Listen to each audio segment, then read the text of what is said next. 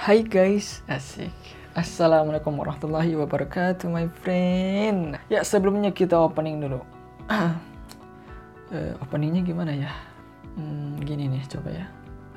Selamat datang di podcast Asyahid. Pengen cerita suatu kisah. Glung glung glung glung. Itu adalah opening tergeja pernah saya dengar. Ya, tapi tidak apa-apa. Kita lanjut saja. Ya. Ini adalah podcast episode pertama ya, rekaman kedua dari podcast yang sebelumnya, podcast ke 0. Jadi sedikit mengulang. Cerita ini ada tiga bab atau tiga episode atau tiga tema ya. Pertama tentang love, tentang cinta. Kemudian ada life, tentang kehidupan dan juga tentang harapan. Cinta, kehidupan, dan harapan. Asik. Jadi ini misalkan tentang tema tentang cinta ya. Wah, ada banyak judul ya, banyak cerita sekitar 20-an ya. Begitupun dengan kehidupan dan harapan. Entah nanti saya akan ceritakan tentang cinta semua dulu sampai habis atau selang-seling cinta kehidupan harapan cinta kehidupan harapan ya. Gimana nanti? Ya sebelumnya terima kasih kepada teman-teman yang sedang mendengarkan podcast ini. Semoga ada manfaatnya dan bisa mengambil pelajaran dari setiap kisah yang saya akan ceritakan. Lanjut langsung saja tanpa banyak basa-basi tanpa banyak pembukaan opening ya. Langsung ke ceritanya Ya episode pertama ini berjudul Monster ya, tentang cinta. Di Taiwan ada seorang pemuda yang bernama Abe. Ini adalah bukan nama sebenarnya. Abe termasuk anak yang rajin, pintar, dan bisa dibilang cukup tampan.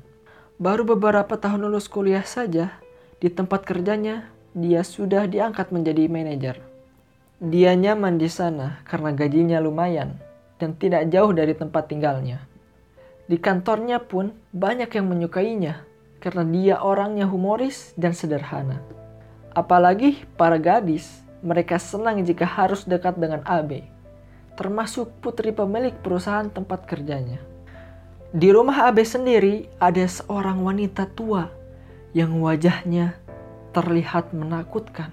Sebagian kepalanya botak dan kulit kepalanya terlihat seperti borok yang baru mengering.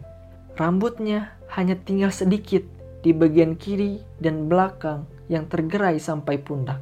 Di bagian muka ada bekas terbakar. Wanita ini jarang keluar rumah, bahkan jarang keluar dari kamarnya kalau tidak ada keperluan yang penting. Dia sebenarnya adalah ibu kandung AB. Dia mengerjakan semua pekerjaan rumah layaknya seorang ibu sebenarnya. Membereskan rumah, memasak, mencuci, dan lain-lain. Abe adalah anak satu-satunya dan dia sangat menyayanginya. Tetapi sebagai anak muda normal yang emosinya masih sering tidak stabil, kondisi ibunya itu membuatnya cukup sulit untuk mengakuinya. Sebenarnya itu perilaku tidak baik, tetapi karakter mudanya mungkin masih bisa sedikit kita maklumi. Setiap kali ada teman atau rekan bisnis yang bertanya, Siapa wanita cacat di rumah itu? Abe selalu menjawab, wanita itu adalah pembantu yang ikut dengan ibunya dulu sebelum ia meninggal. Dia tidak punya saudara, jadi saya tampung. Kasihan dia. Jawab Abe. Hal ini sempat terdengar dan diketahui oleh sang ibu. Tentu saja ibunya sedih sekali. Tetapi dia tetap diam dan menelan ludah pahit dalam kehidupannya. Dia semakin jarang keluar dari kamarnya. Dia rela berkorban agar anaknya tidak kesulitan untuk menjelaskan dan tidak malu kalau dia adalah ibunya.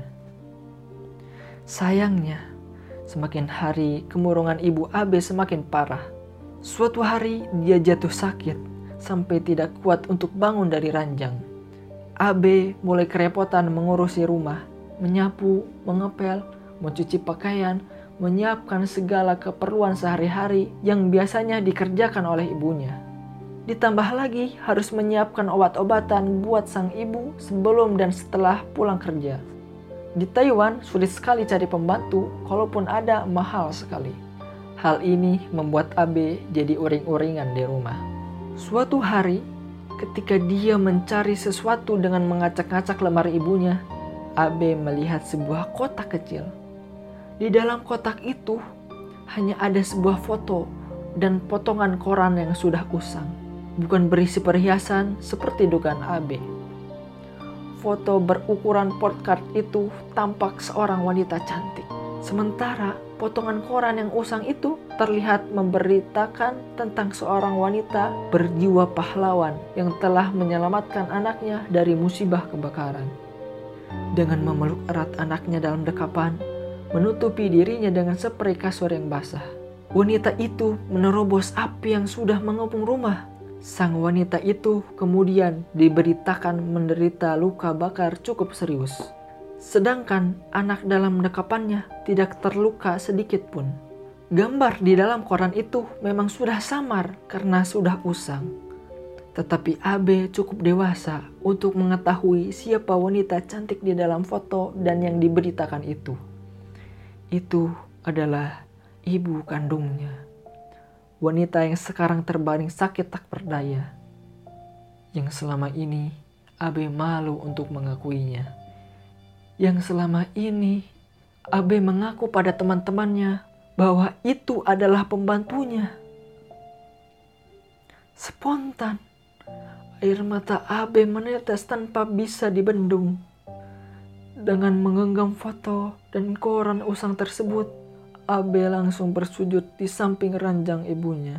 Sambil menahan tangis, ia meminta maaf dan memohon ampun atas dosa-dosanya selama ini. Sang ibu pun ikut menangis, terharu dengan ketulusan hati anaknya. Yang sudah, biarlah sudah nak. Ibu sudah memaafkanmu. Jangan diungkit lagi, kata ibunya kepada Abe. Beberapa lama kemudian, ibu Abe berhasil sembuh dari penyakitnya. Dan setelah itu, Abe terlihat berbeda. Abe bahkan berani membawa ibunya belanja ke supermarket dia tidak peduli, bahkan ketika dia menjadi pusat perhatian banyak orang. Kemudian, peristiwa ini menarik perhatian wartawan dan membawa kisah ini ke dalam media cetak dan elektronik. Teman-teman sekalian, kita mungkin sering melupakan kebaikan ibu kita, tetapi ibu tidak akan melupakan kita.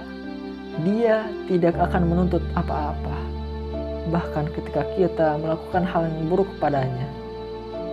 Seringkali seorang ibu mengorbankan kebahagiaannya sendiri demi kebahagiaan anaknya.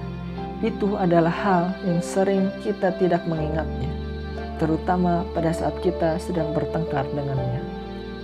Ibu adalah orang yang membesarkan kita dari masa dalam perut sampai dewasa Walaupun kadang kita sering tidak setuju dengannya atau kesal kepadanya, ingatlah selalu kebaikan yang dilakukannya kepada kita yang tak terhitung pengorbanannya.